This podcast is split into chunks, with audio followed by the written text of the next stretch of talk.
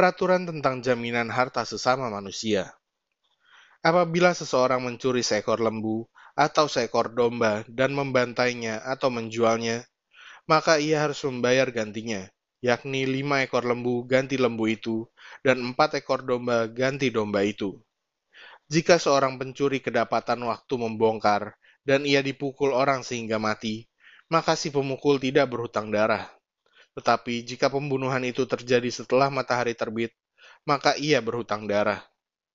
Pencuri itu harus membayar ganti kerugian sepenuhnya. Jika ia orang yang tak punya, ia harus dijual ganti apa yang dicurinya itu. Jika yang dicurinya itu masih terdapat padanya dalam keadaan hidup, baik lembu, keledai, atau domba, maka ia harus membayar ganti kerugian dua kali lipat.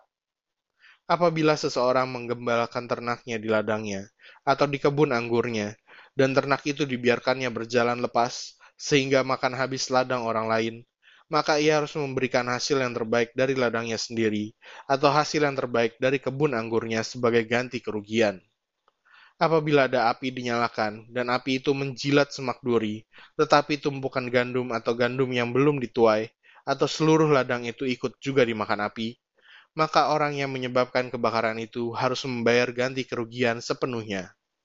Apabila seseorang menitipkan kepada temannya uang atau barang, dan itu dicuri dari rumah orang itu, maka jika pencuri itu terdapat, ia harus membayar ganti kerugian dua kali lipat.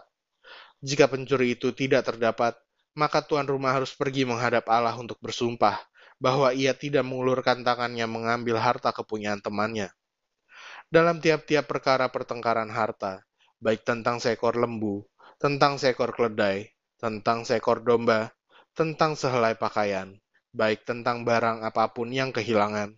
Kalau seorang mengatakan, inilah kepunyaanku, maka perkara kedua orang itu harus dibawa ke hadapan Allah.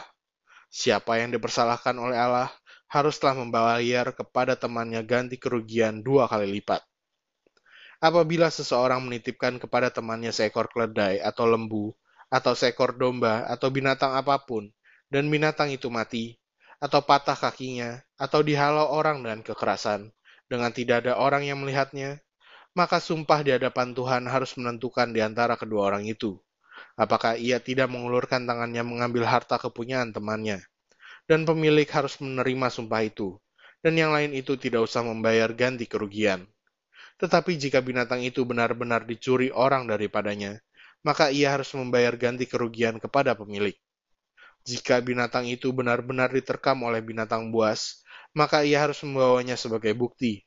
Tidak usah ia membayar ganti binatang yang diterkam itu. Apabila seseorang meminjam seekor binatang dari temannya, dan binatang itu patah kakinya atau mati, ketika pemiliknya tidak ada di situ, maka ia harus membayar ganti kerugian sepenuhnya. Tetapi jika pemiliknya ada di situ, maka tidak usahlah ia membayar ganti kerugian. Jika binatang itu disewa, maka kerugian itu telah termasuk dalam sewa. Apabila seseorang membujuk seorang anak perawan yang belum bertunangan dan tidur dengan dia, maka haruslah ia mengambilnya menjadi istrinya dengan membayar mas kawin.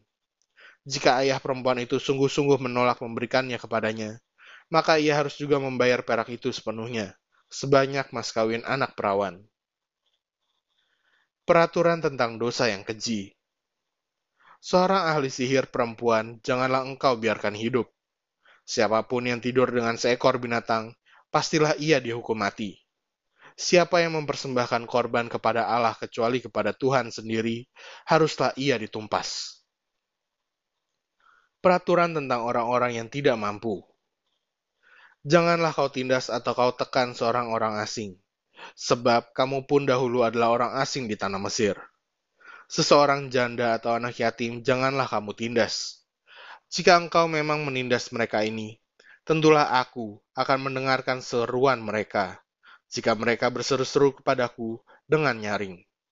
Maka murkaku akan bangkit dan aku akan membunuh kamu dengan pedang, sehingga istri-istrimu menjadi janda dan anak-anakmu menjadi yatim jika engkau meminjamkan uang kepada salah seorang dari umatku, orang yang miskin di antaramu, maka janganlah engkau berlaku sebagai seorang penagih hutang terhadap dia. Janganlah kamu bebankan bunga uang kepadanya. Jika engkau sampai mengambil jubah temanmu sebagai gadai, maka haruslah engkau mengembalikannya kepadanya sebelum matahari terbenam. Sebab hanya itu saja penutup tubuhnya. Itulah pemalut kulitnya. Pakai apakah ia pergi tidur? Maka apabila ia berseru-seru kepadaku, aku akan mendengarkannya, sebab aku ini pengasih.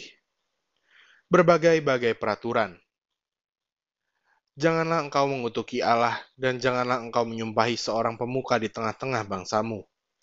Janganlah lalai mempersembahkan hasil gandummu dan hasil anggurmu. Yang sulung dari anak-anakmu lelaki haruslah kau persembahkan kepadaku. Demikian juga harus kau perbuat dengan lembu sapimu dan dengan kambing dombamu. Tujuh hari lamanya anak-anak binatang itu harus tinggal pada induknya. Tetapi pada hari yang kedelapan, haruslah kau persembahkan binatang-binatang itu kepadaku haruslah kamu menjadi orang-orang kudus bagiku. Daging ternak yang diterkam di padang oleh binatang buas, janganlah kamu makan, tetapi haruslah kamu lemparkan kepada anjing.